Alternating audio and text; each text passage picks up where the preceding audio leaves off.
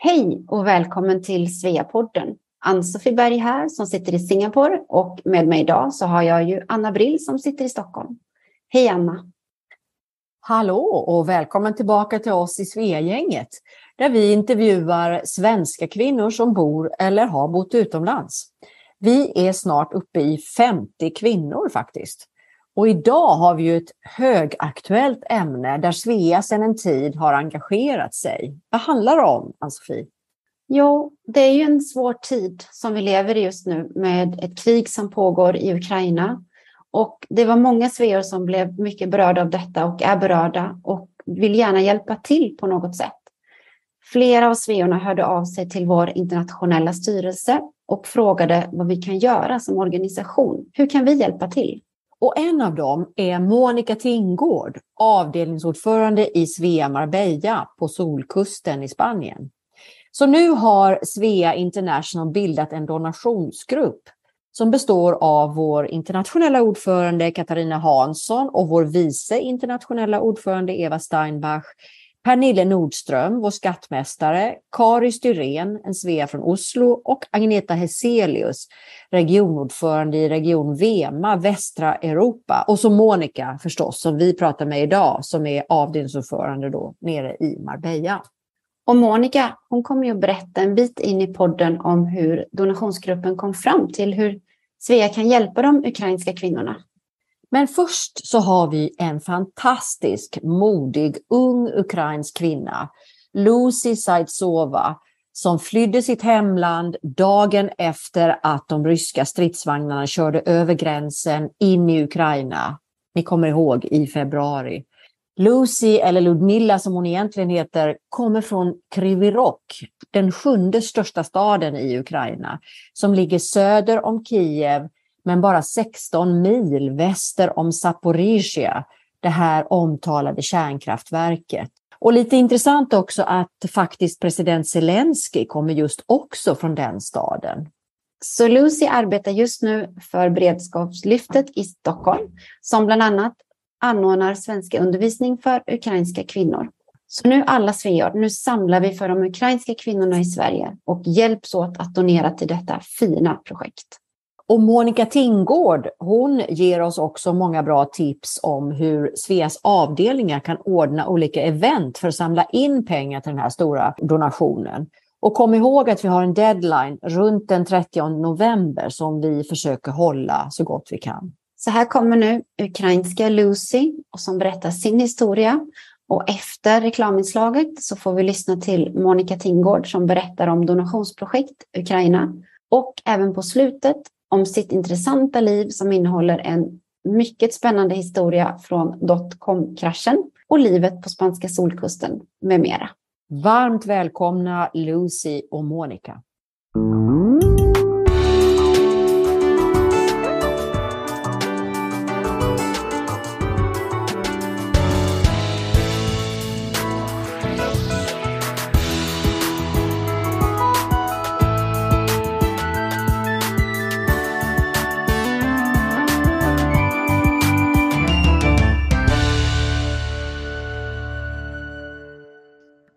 Hey, I'm Lucy from Ukraine.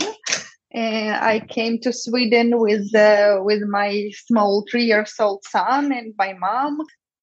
We left Ukraine uh, first day when uh, when war started, and uh, uh, but for three days we stayed in the queue to cross the border in Polish border. And when we crossed the border on on February 28 or 29, I just fell asleep in, in my car because I was so exhausted after all this um, uh, queuing. Yeah, and then one Polish lady, she just picked me up, uh, knocked to my door, and no, no, it's not allowed to sleep like this. Come to my home, and uh, I will let you sleep. I will help. I will give you food, and uh, yeah, she hosted me for one week. It was amazing and such a nice family, such nice people. Until now, they're helping Ukrainians.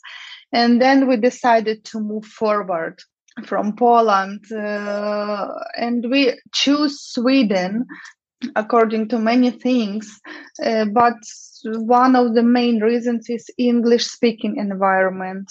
Uh, which is comfortable for me, and of course the balance for uh, for for women for women like uh, i can be a mom and i can be successful in my job because it, it's very important uh, in uh, mm, in other countries i don't know well but uh, like you have to choose or you are a mother and staying in home and care of your child or you are um, as me hr manager or recruiter or anything or you, you, you have to choose a job your career or like to be a mom. And here in sweden i was sure that i could be successful in both spheres. And i will not lose anything which is very important. I don't have a husband and no one to support. So i'm the one uh, who responsible for me for my family for my mother for my child. And um, uh, yeah i have to i have to work and i have to be a mom and i have to support them only me who can support. That's why we choose Sweden. We don't have here anyone anyone. Just just came like this. Mm. Tell tell us also what you're so such a strong lady but tell us also about what exactly happened when russia decided to invade ukraine. How did you hear about this? What happened on that day and for you personally and how did you make the decision to leave and what did you do uh, we did not expect the physical attack. We did not expect till till the end. We did not expect physical attack because I thought like, okay, in 21st century, it's not possible. Maybe we will have a uh, um, like mentally attack some in internet or like. Uh, from TV, and I don't know how to say it in English, but uh, no physical attack. And uh, yeah, and then uh, i remember that uh, we had a plan for daily life. Uh, my son had uh, like football and his swimming classes and me i had a lot of meetings for my job. And uh, I, I remember that night at four morning my son became crying and crying a lot. He couldn't stop for two hours without any reason because he's uh, uh, he's strong enough and um, he's three years old and he doesn't have any problem with stomach or something. And i was just shocked. And then we wake up from um, from information from everywhere the tanks are, are already in ukraine and in uh, uh my, my, friends call me and send a video that they start uh, uh, not bombing, but they start coming with the tanks and uh, with the flags, and it was disaster. It was terrible. It was very scaring. And that time, my mom forced me to leave. I thought I was shocked for one for several hours no no no it couldn't be it's not true it's not true it's it couldn't be true uh, but everywhere was uh, running around uh, all people were running around and kindergarten was empty. And uh, yeah like uh, a lot of people were leaving uh, by car there um, and this was in kiev no it's krivoy rog. It's a dnipro area, central Ukraine. So uh, central Ukraine was safe, but that time we didn't know like when, when and what will happen. And I couldn't uh, uh, go for risk and do nothing, you know, because I have no idea. They will come to my city. They will not. They will bomb it. They will not. Will, will I survive tomorrow or I will not? Who knows? You so what, know. So what did you do? and uh, we just pack our stuff within three hours and leave immediately about uh, 8 p.m. already. Uh, we, we, we, I have a car, so we just uh, put all the stuff inside the car and went to uh, Polish border. you, your so, mom, and your son. Yeah. And how long was that drive to get there? Like one, one night and one day I reach in one night and one day I reached the border. But then we stayed in the queue three months, three nights more. Because so many people, so many people were on the border. a- a 20 kilometers queue, like for the cars queue, it was. Yeah, and we never, we didn't sleep at all because uh, when you're sleeping uh, while you're driving, someone else just will move around you, and it was also very stressful. So I didn't sleep for three nights. and you had food. You had food in with you, or how did you get to eat? yeah we, we yeah yeah yeah we pack everything we knew what will happen because um, i uh, i was updated with the news so we bought uh, enough water and food And then you uh, stayed with this Polish lady, yeah, for a little bit. yeah yeah yeah yeah And One how more- could you? week. How could you choose? How did it work choosing the country you would go to? Did you already think about Sweden from the beginning, or how did how did you choose? I never I, I never think to go to anywhere. Uh, so I, I start it was brainstorm in Poland when I start choosing the country. And yeah, as I told you before, uh, the three uh, main reasons was the balance between uh, uh, between career and uh, parenting, and uh, English language, and also great social security for kids, which is super important for me. So this three was main uh, my main reason of choosing Sweden. Tell tell us also a little bit about. We know that we have now thirty eight thousand Ukrainian refugees in Sweden since the start of the war, approximately.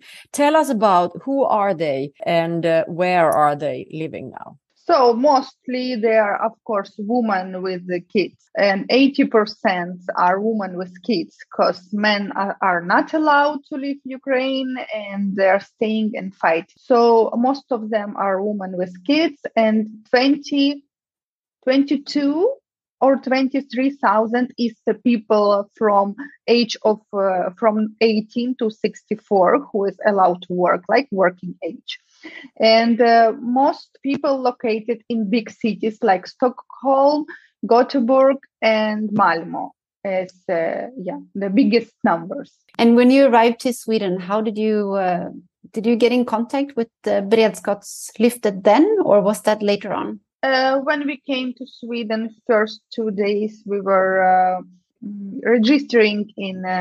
In Migra- Migrationsverket and uh, searching how to live, where to live, what to do. And then I start uh, job search. I'm a recruiter and HR manager, so I know the process. And um, I did a CV which will fit uh, Swedish job market. And uh, yeah, then um, twice or three times a week, I uh, have visited um, a lot of uh, um, support, some, some support events for Ukrainians, which was a lot, and until now there is a lot. Uh, so they, they they are informing how to act in, in a in a job market, Swedish job market, and how to make CV and how to uh, make interview and all the things, uh, just to support Ukrainians. Uh, and I sent about 100 CV every day, but it wasn't help. And it one of the uh, events, one of such events, I met a girl, Julia, and uh, we decided that we will make a, um, uh, we will contact each other once we found a job and maybe we can help each other mm. and then after two weeks she contacted me and said that she got um, uh, she got a job in a project who helps ukrainians and the project was uh, Beredskapslyftet this job mm. center and she told me i asked uh, well, project manager to contact you because we're looking for recruiter and then after two weeks, he contacted me. He's also Ukrainian and uh, he left the war uh, with his family because he's father of five kids and he was allowed to, to leave Ukraine.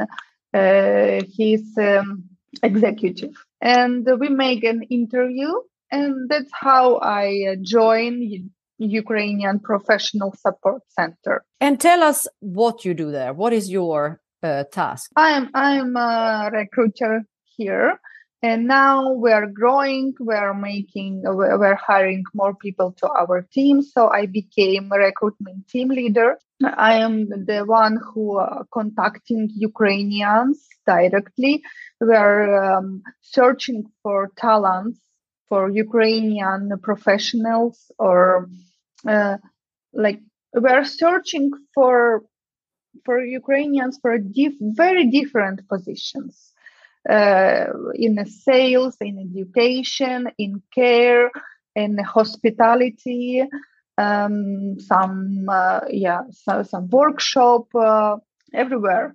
And uh, we are doing interviewing. I am doing interview with candidates and making profile and send to uh, to to employer to future employer.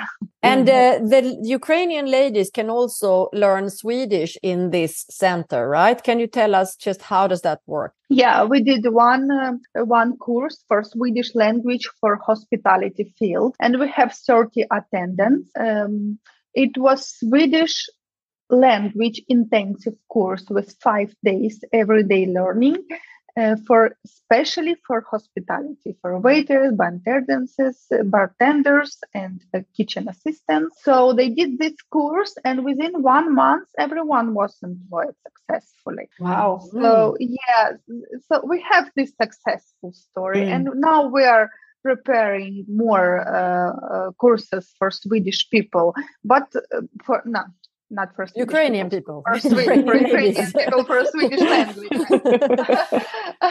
I mean Swedish language.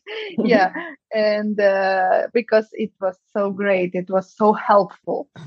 Uh, but we want not only Swedish language, we want Swedish language which will help to get closer to job. And the responses after the women attended these courses, what what were they? Uh, it was great. They said like mm-hmm. were, you're so helpful and we're oh. so happy because like we gave them possibility to, find their first job. Not only first job, this possibility to integrate to Swedish job market, to be able to see Swedish company from inside, to be able to earn money, which is very important now because unfortunately this financial support from government are super super small and they're not able to uh, to live normal life you know but uh, but with our help now they have a salary.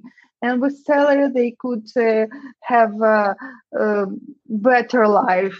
Mm. yeah just to clarify i think uh, the, the the refugees get 60 kroner right per day 60 kroner per day and that yeah. has to be enough for food clothes everything Yes. So it's not so easy. We so we understand that the, of course it's very important for them to to start working. Sure. Mm. Sure, sure. I think Monica wanted to ask a question. Yeah. Yeah, I was just going to uh, to ask Lucy because uh, as you told before that uh, you have been supporting the Ukrainian in the Swedish language for uh, for the restaurant business, etc. I also know that you are starting a course for Ukrainian women to be able to work in uh, old people's homes in Sweden. I yes, talked to Fredrik yes, and David about that. So that could also be nice because that is also something of a great need in Sweden. So that is help for Sweden, but also for the Ukrainian women. Yes, currently we are, we uh, we have this discussion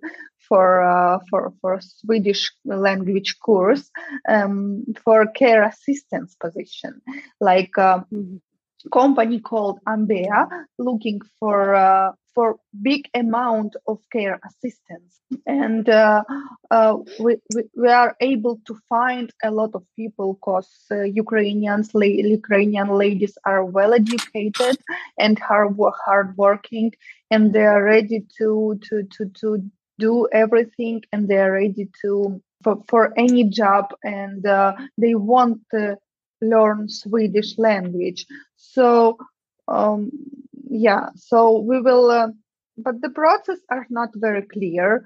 So ambia will will search will decide how many ukrainian ladies they will hire and then they we will educate this uh, these ladies who will get job offer from uh, how to say from this uh, company. company yeah. company yeah from Ambia. But listen, and then, but yeah. but but we will, but we, we have a good plan. Also, there is a lot of companies who are doing this uh, care, elderly care. Once we will make first step, we will understand process more and more and more, and uh, yeah, we will do more education. So this is fantastic. It's like a win-win, you know, win for the Ukrainian Yeah. ladies and win for Sweden. That's what we want.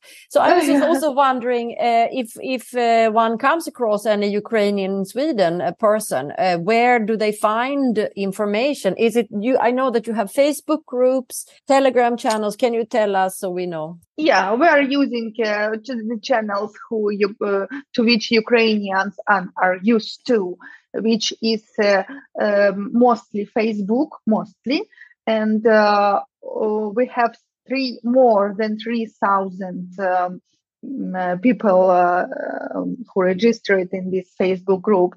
Also, LinkedIn page, which is more than one thousand subscribers, and Telegram channel we will create but we have a partners who post our job offers or any other um, ads in their telegram channels and uh, uh, yeah and also we're trying to use whatsapp and viber time to time I also wanted to ask you a personal question. What do you think about Sweden?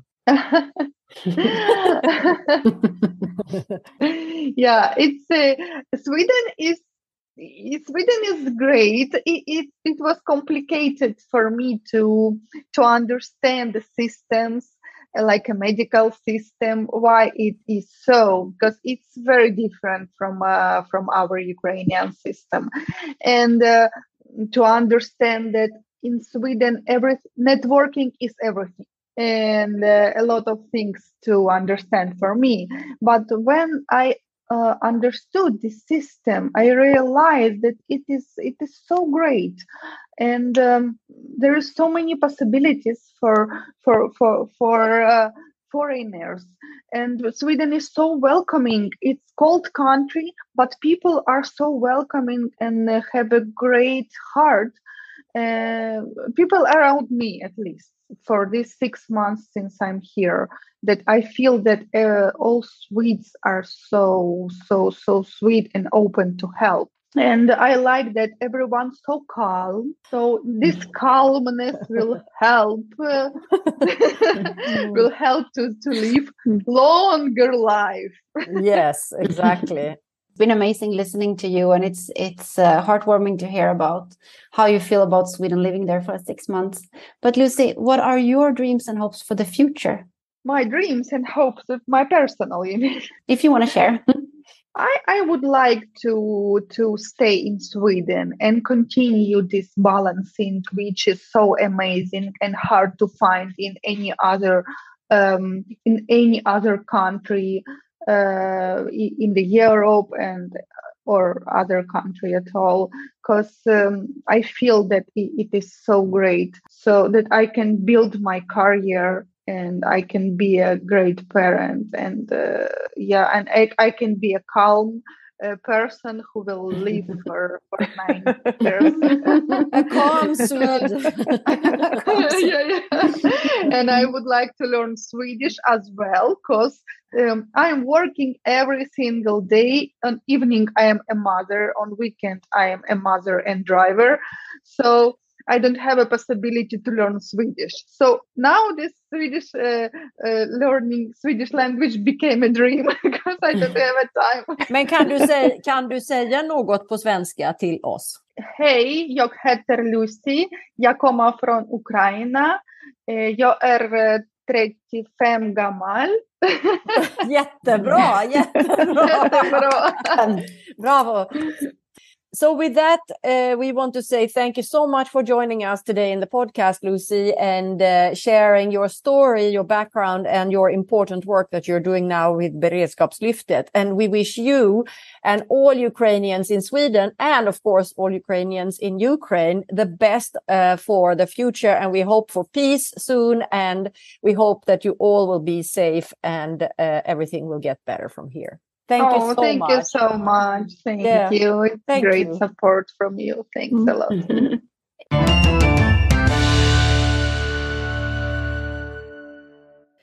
Visste du att Svea finns hemma i Sverige? Vi har fyra avdelningar i Sverige som hjälper dig att hitta hem igen. Har man bott utomlands länge så har samhället hunnit förändras och kanske har vänkretsen glesnat lite. Det är inte alltid så lätt att flytta tillbaka hem. Det kan bli en omvänd kulturkrock som man kanske inte riktigt räknat med. Man kan också behöva lite råd i en del praktiska frågor och rutiner som ser annorlunda ut nu efter många år utomlands. Och då finns Svea Göteborg, Svea Stockholm, Svea Örestad inom västra Skåne och Svea Malmö att vända sig till. Liksom alla andra Svea-avdelningar i världen så står de för gemenskap, stöd och roliga aktiviteter av alla slag. Alla svensktalande kvinnor som bott utomlands är varmt välkomna att gå med i någon av Sveas hemvändaravdelningar i Sverige. Du är så välkommen att kontakta någon av de här avdelningarna. Mer info eh, finns på svea.org på Facebook och Instagram där Svea Sverige också finns.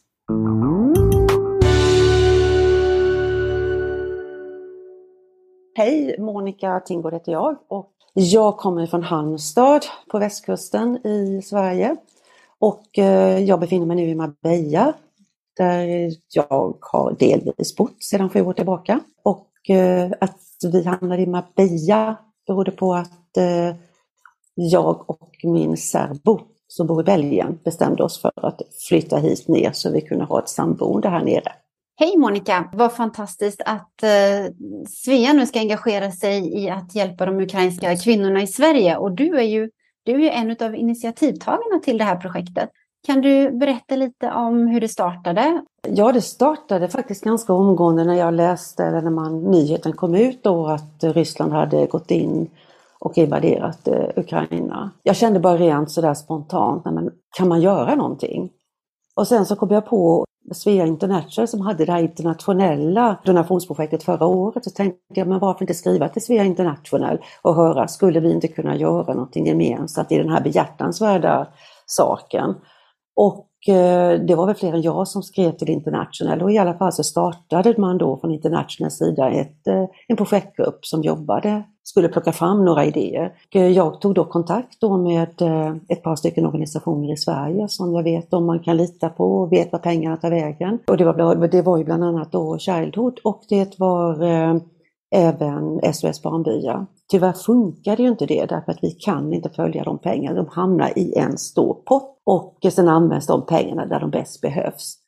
Och så därför kunde vi inte ta det. Men via dem så fick jag reda på ett annat företag som heter Novare och som hade startat upp ett projekt som heter Beredskapslyftet. Det var nämligen då Novares eh, chef, då, CEO då, Fredrik Hilleman, som kände att när pandemin bröt ut så ville han göra någonting. Hans företag jobbar med rekrytering på hög nivå. Han har ju kontakt med alla stora företag i Sverige som Investor etc.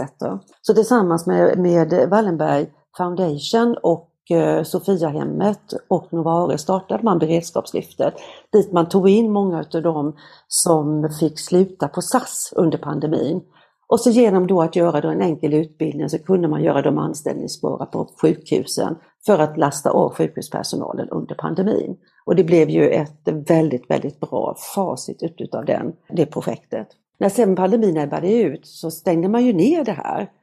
Så eh, ville då Fredrik ändå göra någonting och då startade kriget i Ukraina. Och när han såg alla flyktingströmmar som kom från Ukraina till Sverige så kände han att han ville göra något. Med alla sina kontakter så tog han bland annat kontakt med Nordiska museet i Stockholm och fick Eh, fick låna lokaler av dem och startade upp en, om vi får kalla det skola för ukrainska barn mellan 6 och 10 år. Och så 130 barn togs emot i första omgången för att göra sig förberedda att kunna börja i svensk skola sen till hösten. Men sen började han ju fundera på alla de här kvinnorna som kom med sina barn. Någonting måste vi kunna göra för dem. Och det var då han kom på idén att de här kvinnorna skulle ju med att kunna lära sig åtminstone kanske 500 svenska ord inom respektive yrke som de då har sin profession i, så skulle de kunna bli anställningsbara till, inom olika företag. Och det var på, på den vägen han började det här. Och då satte han upp det här Ukrainian Professional Support Center i Stockholm. Och med alla sina olika kontakter satte han upp det här projektet med utbildning av svenska, plocka in alla sina kontakter för att hitta arbete till de här kvinnorna. Och faktiskt redan efter bara en och en halv månad så hade ett hundratal ukrainska kvinnor fått jobb. Så att det här kändes som ett jättebra projekt. Går helt enligt, enligt Sveas stadgar. Det stöttar svensk kultur, det stöttar det svenska språket. Så det här togs emot väldigt positivt när jag presenterade det. Och så blev det också klubbat utav Svea International att det är det här projektet vi går vidare med. Så så startade det hela. Och bara en liten detalj där, Beredskapslyftet, det är alltså en ideell organisation, eller hur? Det är en helt ideell organisation eh, som, eh, eh ja, som lever på att de kan få in eh, alltså då, eh, bidrag ifrån andra företag och andra och doneringar från privatpersoner och så vidare för att kunna köra detta. Allt redovisas, det är helt transparens, man behöver inte oroa sig för att det fungerar. Det som också är lite roligt är att det här har fått väldigt mycket ringar på vattnet. För att bland annat har kronprinsessan Victoria varit där på besök. Drottning Silvia tog med sig den finska presidentfrun dit på ett besök.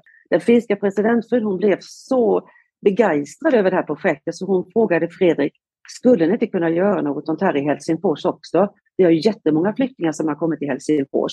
Så sedan en månad tillbaka så finns det ett center även i Helsingfors. Och där har man också fått stöttning av flera företag.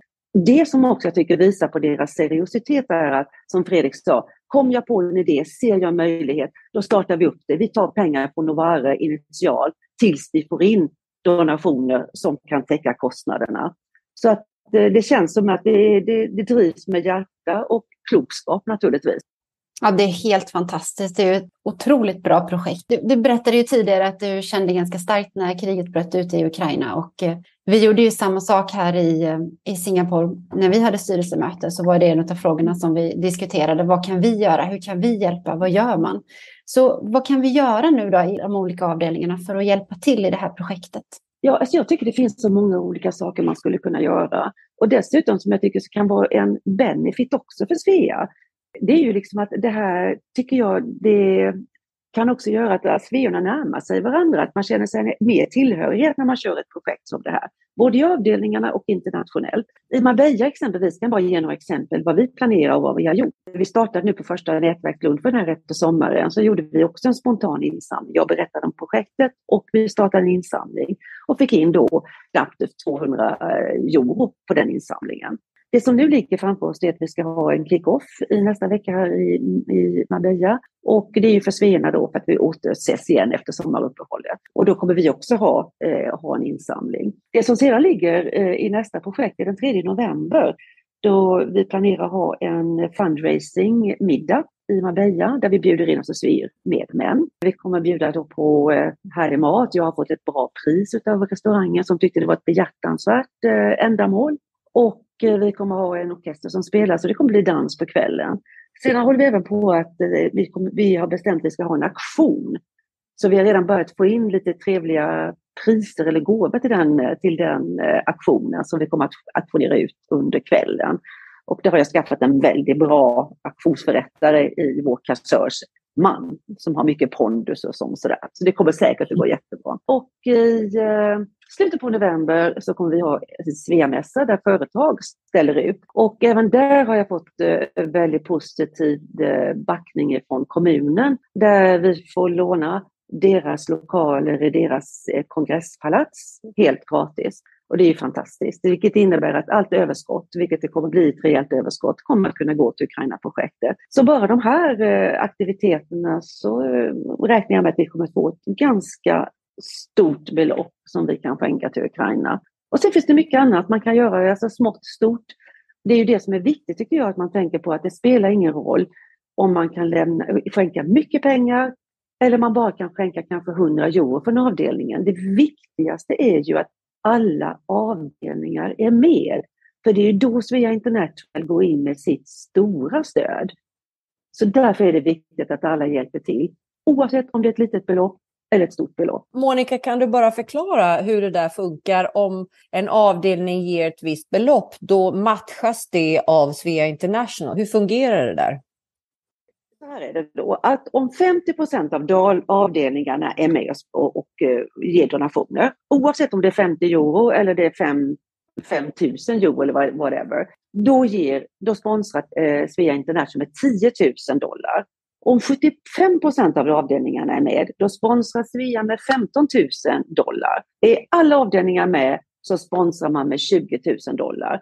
Och sen har man sagt att man delar ut en extra bonus blir de avdelningarnas gemensamma donationer överstiger 30 000 dollar då donerar Svea International 25 000 dollar. Så, så maximum som Svea International dominerar kan vara 25 000. Så det fantastiska här är ju då om vi får med så många avdelningar som möjligt, för då matchar Svea International eh, mer pengar helt enkelt. Så även ni som sitter där ute nu, ja. även om ni donerar en liten summa så är det bättre än att inte donera någonting alls. Så tänk inte att det måste vara något stort nödvändigtvis. Naturligtvis är det jättebra, mm. men alltså, det är viktigt att vi får med alla våra det är väl 70 ungefär avdelningar vi har, så det skulle ju vara fantastiskt. Ja, det är den stora strävan. Mm. Jag ville också veta lite, vad går de här pengarna? Vad kommer de göra för de ukrainska kvinnorna? Jo, alltså jag har haft ett eh, ytterligare möte då med, eh, med eh, beredskapslyftet då, där deras styrelseordförande som är en kvinnlig advokat har varit med och även då Fredrik Konovare. Där man säger då att det man tittar på just det, för man tittar ju gärna på vad behövs det mest i Sverige av just nu, just nu. Och då tittar man lite grann på äldreboende i Sverige där man skulle vilja utbilda de ukrainska kvinnor som kommer hit med en sjukvårdsutbildning med sig i professionen. Att utbilda dem för att kunna sätta in dem inom just äldrevården för att supportera. Då hjälper man både de ukrainska kvinnorna och även Sverige får något positivt utav, utav detta. Så, så försöker man tänka. Men du, kan du bara förklara helt kort, vi repeterar igen här. Beredskapslyftet, mm. det de gör nu rent specifikt, det är alltså att de har de här språkkurserna. Och eh, lite för, för någon som kanske undrar här, varför får inte de här människorna gå på SFI i Sverige? Och då googlade jag faktiskt det och då visade det sig att de är inte permanent, de har inte permanent uppehållstillstånd. Och har du inte det nej. så får du inte, utan de måste först då vara här som flyktingar på något sätt ett tag och sen kanske man får permanent uppehållstillstånd och då kan man alltså söka till den här kommunala verksamheten som heter Svenska för invandrare. Men i nuläget så får de inte det och det är det som då är en av stenarna i det här att beredskapslyftet hjälper till med svenska utbildning. Och den andra delen är väl det här att de hjälper dem att hitta jobb då. Eller hur? Har vi fattat det rätt? Då? Ja, så kan, så kan man säga. Det, för det är ju som så att de kommer ju, alla ukrainare kommer ju i en annan flyktingstatus än de vanliga asylsökande. Det är därför de inte får läsa SFI. Fort de har fått den här utbildningen så de känner att de får inte fast mark under fötterna med sin svenska undervisning, då rycker ju då eh, Dovare då i sina olika tårtor för att hitta företag där de då kan anställas. Ganska många blev anställda på Arlanda exempelvis. Ni vet det stora kruset uppe i Stockholm på Arlanda här för några månader sedan. Många som anställdes där. Så att det, de hjälper dem att hitta jobb helt enkelt. Och, och det är det tycker jag som är så, är så fint också därför att vi vet, man vet ju själv hur viktigt det är att man kan försörja sig själv och sin familj. Så det här, för, för, för självkänsla och självförtroende. Så att det här är ett så viktigt projekt. Och jag har förstått också att det är väldigt många av de här, just de här flyktingarna som väldigt gärna vill arbeta. De vill inte bara sitta och ta emot pengar och inte göra någonting, utan de vill komma ut i arbete snabbt. Och vi har ju, om det är någon som undrar här, i dagsläget tagit emot ungefär 38 000 ukrainare till Sverige och mm. de flesta av dem mm. är ju då kvinnor och barn eftersom männen är ju kvar och strider. Men mm. jo, eh, Monica, jag tänkte bara så här, beredskapslyftet vad jag förstår är ju i Stockholm. Men de här ukrainarna finns väl på flera ställen i Sverige. Är det tänkt att man ska hjälpa dem andra också då, eller är det bara de i Stockholm man fokuserar på? Alltså här kan man väl säga att det är i Stockholm där centret ligger, där har man de största möjligheterna. Men sen är det som så att det är ju flera andra städer som har ropat och kan vi inte få hjälp här? Så man har satt upp några stycken satelliter kan man väl säga, men då blir det på distans. Så man har ingenting i de respektive städerna, där måste man ju ha folk som kan driva detta i så fall. Så det kanske blir så på, på i det långa perspektivet kanske det blir så. Men eh, just nu så är det koncentrerat till Stockholm. Och hur får de ukrainska kvinnorna reda på att det här erbjuds? Eh, ja, man går ju ut ganska mycket både i sociala medier och så vidare. Sen har man ju då anställt, liksom Lucy som vi ska prata med sedan, anställt då också eh, flera ukrainska kvinnor som också har, som bidrar till att sprida det här budskapet. Sen ska man ju lugnt säga att det är klart att beredskapslyftet har ju inte all kapacitet i världen, så det är klart de kan ju inte ta emot alla som kommer. Så, det måste man ju också vara medveten om. Men eh, vi ska väl också bara poängtera här eh, för dig som vill eh, läsa mer om det här donationsprojekt Uk Ukraina.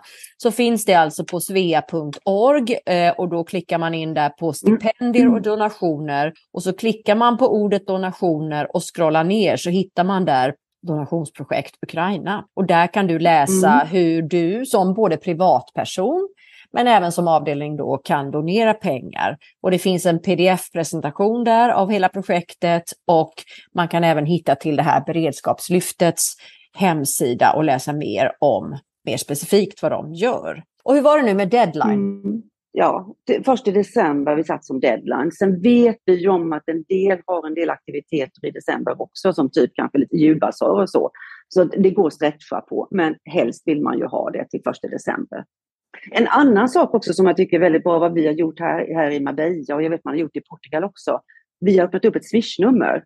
Och då får det ju bli liksom ett privat swishnummer eh, som man kan swisha till. Och sen så redovisar vi det då. Det, vi går till vår kassör som har gjort ett separat swishnummer. Och sen redovisar hon de pengar hon har fått in på swishnumret till den här donationskassan. Så det är ett annat enkelt sätt att göra det. Och så läste jag också någonstans att eh, man som avdelning så får man ta pengar ur sin kassa även om man inte har budgeterat för detta, för detta året. Det kan ju också vara bra att känna ja. till. Mm. Absolut, det, det, det, det, är ett beslut man har tagit i Svea International, ja stämmer. Mm. Mm. Men varmt tack Monica för all den här informationen. Men nu vill vi faktiskt veta lite om dig också. Och vi vill höra, var kommer du ifrån egentligen från början i Sverige? Ja, jag är faktiskt från Halmstad i, på västkusten och eh, sen har jag bott 25 år uppe i Göteborg. Eh, det var när jag då blev erbjuden en annan tjänst. På, det här var på 90-talet. Eh, så min bakgrund är, om jag bara berättar lite grann om mig själv då. Jag, eh, jag har en dotter och som heter, som heter Jeanette och tre barnbarn, Filippa, Jack och Harry. Och så har jag en hund. En liten odygdig sak, men väldigt söt. Eh, och sen är jag tillsammans med en, eh, en man som är från Belgien. Och han har en dotter och ett barnbarn. Och, eh, vi då har det här gemensamma boendet i Spanien. Så att vi kan träffas lite mer regelbundet istället för att som vi tidigare har gjort då, plackat mellan två länder. Ja, min bakgrund är sen att jag är logistiker, marknadsekonom och jobbat mycket med logistik hela mitt liv då. Det har jag oftast på internationell basis, så har jag rest väldigt mycket i mitt liv. Jobbat i olika eh, länder, både i Europa och utanför Europa, Asien och i USA. Spännande, alltid kul att träffa nya stora företag och hitta lösningar på deras logistikproblem.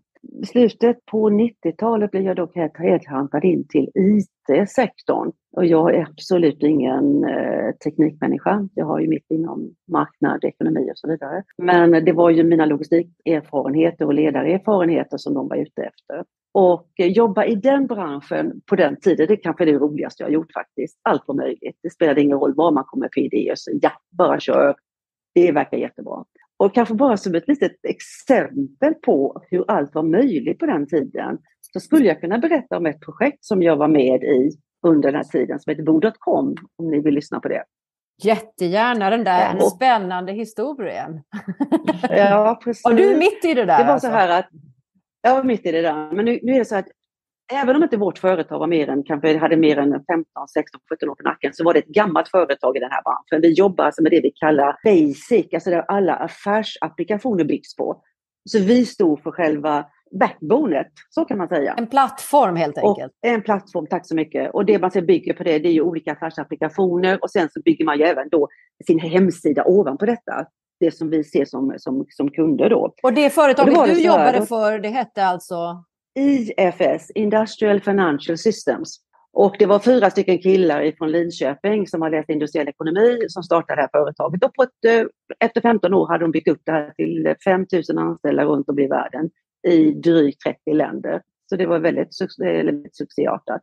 Men i alla fall, det var två stycken ungdomar som tog kontakt med oss, Ernst Malmsten och Kajsa Leander eh, från Lund. De här två startade faktiskt Bokus en gång i tiden. Och efter några år så sålde de det och då fick de in 15 miljoner på den försäljningen och det var ju mycket pengar på den tiden. För det pratar ju liksom, det är ju 20 år tillbaka i tiden. Och då ville de göra, leva sin, sin, sin dröm. De ville starta upp ett stort internetbaserat företag som sålde lite exklusiva sportartiklar och sportkläder. Och det skulle heta Bo.com. Där kom vi in och vi skulle bygga då den här plattformen, vilket vi också gjorde. De här två ungdomarna, så de var 26-27 år, de reste runt om för att få in pengar till det här projektet. De var även i USA, JP Morgan Bank, som där de lyckades få loss drygt 700 000 svenska kronor. Och i och med att de fick in JP Morgan så fick de in flera stycken andra företag och jag tror även Benetton var med där bland annat och flera andra kända företag. Så de fick alltså ihop ungefär en miljard för att satsa på det här projektet. Och som sagt var, det här var 98, 99. Det var den här tiden då innan vi inte hade internetshoppar och sådär. Eller hur? Ja, vi hade väldigt lite. Vi hade ju, de här, mm. vi hade ju bokföretagen, alltså Bokus fanns ju, men det var ju ganska enkelt. De hade stora visioner, man skulle kunna gå in på hemsidan, man skulle kunna snurra runt på dockorna och prova liksom som att man själv var i provrummet. Och de tog in absolut de bästa kreatörerna och det kostade ju skjortan. Och det var intressant att vara med på deras resor, för de åkte ju privatjet runt om i världen på sina möten. Vi hade möte uppe, det var på Grand Hotel uppe i Stockholm, vi hade möte där det flögs in då eh, folk från USA och så vidare. Och pengarna, de rullade ju definitivt. Så småningom så fick de ju upp den här sajten. Men då visade det sig att det här var ju ett drömprojekt. Därför att de här killarna som satt och skulle göra den här själva sajten, de hade ju jättekraftfulla datorer. Men det hade ju inte vi på hemmaplan. Som privatperson hade ju inte det. Ni vet ju Modena på den tiden. Så mm. när folk skulle öppna sina hemsidor så kunde det ta hur lång tid som helst. Det fungerade alltså inte. Utan man, eh, man körde vidare och försökte ett varv till, men det visade sig att det funkade inte. Så som mest hade det här företaget 400 anställda. Det var i New York, London, Paris, Amsterdam, Madrid och Stockholm. På de absolut bästa adresserna. Så efter då att de hade fått så pass mycket pengar i investeringspengar så försattes de i konkurs i, i maj 2000 och de startade upp i november 99 så det var inte lång tid de fanns till. Men då hade de alltså gjort av med 1,4 miljarder dollar i initialt kapital plus ytterligare 48 miljoner dollar som ägarna sköt till under 2000. Och skulderna låg på hisnande 178 miljoner pund. Tillgångarna var 19 miljoner pund. Men de tjänade inga pengar om, helt enkelt? Jag vet ju inte vad de hade för pengar kvar sedan. Men alltså själva företaget Bo.com tjänade ju över några pengar. De hade, jag tror de hade 20 miljoner pund i tillgångar när de sattes i konkurs. Men det, låter det låter som att de gjorde någon miss då, för jag menar idag kan vi ju ladda ner och även om man har dålig uppkoppling så kan man ju, så de gjorde någon miss då i själva programmeringen av den här sidan eller? Nej, jag skulle mer vilja, på, vilja påstå så här att de tänkte säkert rätt och allting var rätt. De var för tidiga. Det fanns inte de kraftfulla domodem på den tiden för drygt 20 år sedan. Det gick inte att ladda hem hemsidan, det tog för lång tid. Sen en annan sak som det hade varit viktigt för dem att tänka på, det vet ju jag som logistiker då, logistiken fungerade ju inte heller 100 procent. Så det var flera bitar som inte funkade, som inte de hade tänkt på. Idén var helt great. Hade de startat tio år senare så hade det blivit en succé de var för tidiga. Och sen för, det, för kanske för höga, för höga kostnader låter det som. Ja, jag tror de var duktiga på att smälla pengar. Så tror jag. De hade nog, de hade nog väldigt, jag hade väldigt roligt under tiden. Eh, de hade nog väldigt roligt under tiden. Du, så den enda eh, egentligen som fick, ihop, som fick sina pengar, det var vårt företag. Vi fick tillbaka de pengar som vi hade lagt ut för våra kostnader. Men du, vad har hänt mm. med eh, Kajsa och Ernst efter det här? Vad gör de idag? Vet du det? Vet inte riktigt vad de gör för någonting. Jag är helt säker på att de har säkert skaffat sig andra karriärer men eh, inte så att de är, ligger uppe i, eh, i hetluften på det viset. Så att, eh, sen ska vi ju veta också när bubblan sprack då 2000, det var ju faktiskt, då kraschade ju börsen totalt. Jag tror mm. Stockholmsbörsen den föll med en tredjedel, alltså typ en 1500 miljarder på bara några månader. Alltså det, det var ju en, en, stor smäll som vi Do alla vet. Alla var dotcom, dotcom-kraschen. Så kan man säga. Mm. Du nämnde ju tidigare också att du eh, har eh, jobbat i olika länder. Har du också bott i fler länder? Ja, jag bodde i Mellanöstern och det här var i mitten på 80-talet. Min dåvarande man som eh, var militär jobbade för FN så vi flyttade ner till Mellanöstern när han skulle tjänstgöra. Och då bodde jag bland annat i, eh, vi bodde i Israel, i Jerusalem och i Tiberias. Jag bodde i Damaskus i Syrien. Och eh, där kan man väl mer prata om att bo utomlands riktigt på riktigt, för det var ju svårt att ha kontakt och så vidare med på hemmaplan, för det fanns ju inte sociala medier som det finns idag. Utan man fick ju ringa liksom vanliga, telefonsamtal, det kostade skjortan ifrån Damaskus att ringa hem. Och jag vet ju exempelvis eh, vid något tillfälle, vi ringde hem till min mamma då, som även var barnvakt för min dotters undulat. Och rätt som det så sitter min dotter och undulaten och pratar på telefon. Och jag ser bara min man håller på att svimma. Han ser, han ser dollarna bara fladdra ut genom, flyger ut genom fönstret. Så att, eh, nej det var helt annorlunda. Men det var väldigt kul också för att som sagt var jag, eh, där tog jag över och jobbade som vad vi kallar ladies representative där nere. Och det var ju säkert ett 40-tal olika nationaliteter, eh, kvinnor som var med sina män där nere. Jag var tjänstledig under de här åren.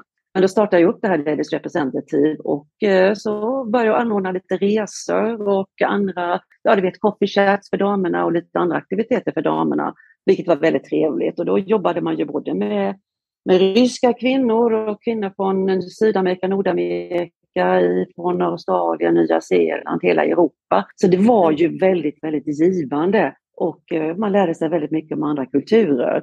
Och likadant se de här ryska kvinnorna som alltid hade en ledsagare från KGB med sig i släptåget. Eh, så man, man såg verkligen skillnader där nere också. Spännande. Du, mm. jag tänkte på en sak när vi läste på om dig här. Du har ju gjort ganska många olika saker. Har du något gott råd att dela ut där till andra människor som byter karriär? Jag vet att du också utbildat dig till eh, KBT-terapeut till exempel.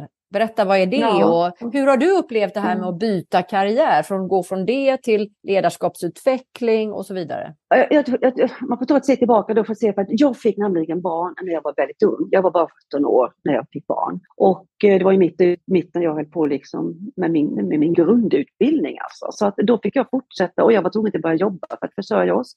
Och då jobbade jag och studerade samtidigt. Och det funkar ju när man är så ung, då har man ju all kraft i världen. Så att det, det, det gick bra. Men det gjorde ju också att jag lite efter 30 så kunde jag ju satsa på karriär, för det var ju Jeanette redan 13 år, så då kunde jag ju börja mer titta på min egen karriär och vad jag ville göra. Jag hade satsat på logistik för att eh, det företag jag började jobba på för att få in extra pengar när jag studerade då så här ung visade sig att de, där fanns stora möjligheter. Inga kvinnor i ledande, ledande positioner. Så jag såg ju en möjlighet börjar jag jobba med logistik och marknadsekonomi och så vidare så kan jag göra karriär inom det här, inom den här organisationen, vilket jag också gjorde. Det var det som var Bilspedition på den tiden. Och jag var en av de få kvinnor som satt på ledande positioner, vilket jag tyckte var en fördel. Det är klart, gjorde jag misstag så syntes det, men gjorde jag något bra så syntes det också väldigt tydligt. Men sen så har jag utbildat mig hela tiden kontinuerligt för att jag tycker det är kul och det är kul att förkovra sig. Och det gör också lättare att byta Eh, till andra yrke under vägs gång. Man är aldrig, det är aldrig för sent att lära sig något nytt och det är inte för sent att pröva något nytt. Så sedan då, eh, i talet var det väl, intresserade mig väldigt mycket för psykologi. och började läsa lite grann om det på sidan om alltså. Men just när man jobbar med ledarskap så är det ju viktigt att ha ja, eh, de egenskaperna man vet lite grann hur funkar folk, hur funkar man i grupp och så vidare. Och sen så utbildade jag mig till KBT inom KBT, det kognitivt beteendevetenskap då, som samtalsterapeut, vilket jag också haft väldigt mycket nytta utav i, i mitt liv då, i, i, mitt yrkesliv och ibland kanske även privat. Och nu mm. är du då också eh, ett viktigt jobb här får vi säga. Du är Svea-ordförande för Svea i Marbella, eller hur? Berätta om er avdelning och vad hittar ni på där? Eh, ja, men vi är en väldigt rolig avdelning. Vi är 140 Svea här nere och eh, jag sitter nu på mitt sista år som ordförande. Jag sitter faktiskt på ett år på övertid så att jag eh, slutar ju nu här i februari nästa år. Men vi gör väldigt mycket. Alltså, man har ju möjligheter här nere också. Det finns alltså jättegott, om, jättegott utbud för utflykter, för restaurangbesök. Vi har filmtime en gång i månaden där vi tittar på film tillsammans och sedan så äter vi någonting och diskuterar filmen. Vi har våra nätverksluncher där nya företag kan presentera, nya kvinnor som har företag kan presentera sig. Vi, jag håller också på med professional här nere och försöker få igång det ordentligt började med det förra året. Så vi har träffar en gång i månaden där vi gör olika saker, där vi försöker fokusera på lite yngre, inte lite, ja, lite yngre, men alltså tjejer som fortfarande arbetar. Alltså det är ju väldigt gott om svenskar här nere. Det är många som vi kan se under pandemin som kanske flyttade hit ner, tog med sig jobbet. Så det börjar bli fler och fler som kommer hit ner och jobbar. Alltså lite mm. yngre människor som flyttar hit med sin familj och börjar jobba. Det expanderar hela tiden här nere. Och sen vädret gör ju att det är ganska enkelt när man ska göra olika utflykter eller vill hitta på någonting. Så att jag tycker vi är ett väldigt roligt gäng här i Marbella. Vad spännande mm. det låter. Och eh, du berättar lite för oss om Marbella. Det är en stad då, eller hur är det? Hur många människor bor i Marbella? Ja, vet du det? Ja, alltså vi har, alltså det, är ju, det här ligger på Costa del Sol och själva provinsen är det ju Malaga. Vi tillhör ju själva den provinsen. Och sen Marbella är ju själva kommunen i, i, på Costa del Sol. Där finns ju fler kommuner. Vi har Fuengirola, vi har Estepona. Det växer hela tiden. Så ut med kusten från Malaga bort till eh, kan man säga, Sotegrande, vad kan det vara? Ungefär 20 mil tror jag ungefär. Så ligger det ju många olika orter utmed vägen. De flesta sveor de bor alltså i Marbella, Fuengirola, Estepona och däremellan. Så skulle jag vilja säga. Och då är det väl, då pratar vi väl ungefär en sträcka på sex mil. Marbella växer kontinuerligt. Jag tror att det är Marbella nu, kan det vara 140-150 000 invånare. Och om man vill besöka spanska solkusten då, vad ska man eh, göra då? Har du några bra tips där? Ja, man tar sig ju först och främst till eh, Malagas internationella airport. Det finns ju, det är ju jättemånga förbindelser runt om i hela Europa, så det är väldigt lätt att ta sig hit ner. Eh, sedan tycker jag ju att eh, har man gott om tid, då tycker jag det finns det väldigt mycket besöka om man är på kusten. För det är nära upp till Granada att besöka, till Sevilla att besöka, till Cordoba, alltså de här gamla städerna. Där finns ju hur mycket som helst att uppsöka. Malaga har ju blivit internationellt känt för, sin, för sina konstmuseum bland annat. Vi har ju Picasso-museet där som är helt underbart. Så att eh, det finns väldigt mycket att göra om man vill ta på den kulturella sidan. Sen kan man ju, jag menar golf, hur många golfbanor har vi här nere? Det är ju hur många som helst. Så det är ett golfparadis här nere. Och sen stränderna. Det är, ju, det, är ju många, det är ju det som många turister kommer hit för att vara på stränderna, sola och bada. Vilket du kan göra i princip eh, hela året, säger jag som svensk. Det säger ju inte alla. Alla badar ju inte i november, december, januari. Det får man ju vara svensk och lite, lite speciell eftersom jag tycker det är kul att vinterbada dessutom. Så har jag inte så ont av att det är lite kallt i vattnet. Men annars så kan man ju faktiskt vara på stranden året runt. Får jag bara fråga också, stanna lite på det där med om, om det är någon som känner för att flytta ner dit till det här området mm. och, och faktiskt söka jobb. Är det lätt att mm. hitta mm. arbete om man kommer ner som svensk? Ja, då är det väl då lite grann beroende på vad det är för typ av arbete man vill ha. Alltså, det, har ju varit, det är väldigt många svenskar, de, de ses med väldigt bra ögon, svenskar här nere, som att arbeta med arbetsmoral och så vidare. Men det är ju ofta de arbetar i serviceyrken, alltså på restauranger och så vidare. Så att det, det är väl kanske mer den typen av yrke då som man alltid skriker efter här, precis som de gör i många andra ställen nu efter pandemin skriker efter arbetskraft. Det är, nog, eh, det är nog både och. Och sen finns det ju många företag, svenska företag som etablerade här med de här kolcentrarna. Call det har jag hört också. Alltså, mm. Ja, callcenters. Så det är många ungdomar som söker sig till den verksamheten. Alltså det är typ kundtjänst, så sitter de i Spanien då och så svarar Ja, och sen som jag sa så är det många som kommer hit, det är svenskar som startar upp egna företag här nere eller som kan ta med sig företaget hemifrån och sitta här nere och jobba, åka hem till Sverige en, en vecka varje månad och sen åker de hit igen. Så att, alltså det är väldigt blandat hur man, hur man jobbar. Och sen så har du ju de svenska skolorna här exempelvis. Det det finns ju väldigt bra internationella skolor, men vi har ju också de svenska skolorna som tar, tar hand om elever från förskola upp till avslutad gymnasiegång. Så man kan, gå, man kan gå bara på svensk skola också? Man kan ha det som ett val om man vill? Det, det kan du ha. Du har eh, upp till gymnasieutbildning på Svenska skolan i Fuengirola. Mm. Där har man även utbyte med Sverige så att elever som går i tvåan på gymnasiet i Sverige kan komma hit ner och eh, gå, på, gå i andra året på gymnasiet här nere. Mm. Så att man kan göra sån utbytes. Så det mm. finns det också.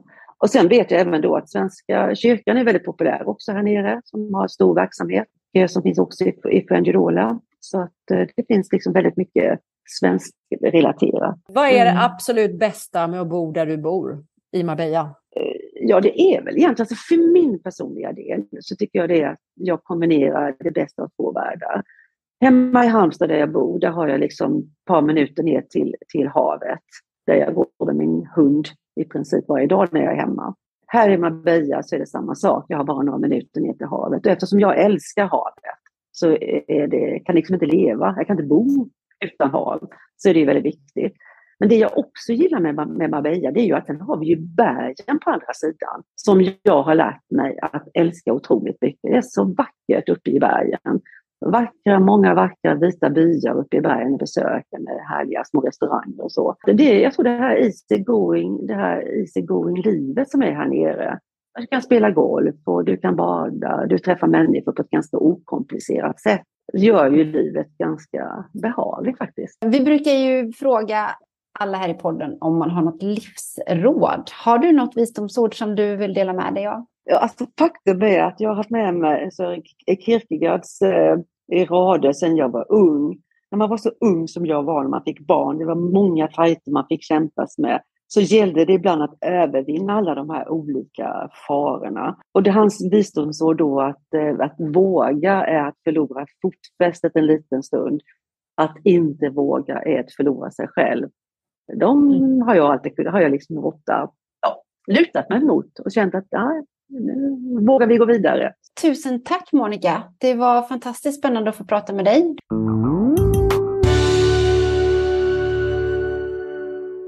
Tack för att du har lyssnat. Den här podden är inspelad och producerad för Svea International. Musiken är skriven för Svea av Fredrik Åkerblom. Alla vi som på olika sätt är involverade i produktionen gör detta som en del i vårt frivilliga engagemang för Svea. Sveapodden finns på de allra flesta ställen där du hittar poddar. iTunes, Google Podcasts, Spotify, Acast etc. Om du saknar något poddställe så skicka ett mejl till sveapodden gmail.com. Mer information om Svea hittar du på vår webbplats svea.org och i sociala medier så finns vi på Facebook, Instagram och LinkedIn och där hittar du oss som Svea International.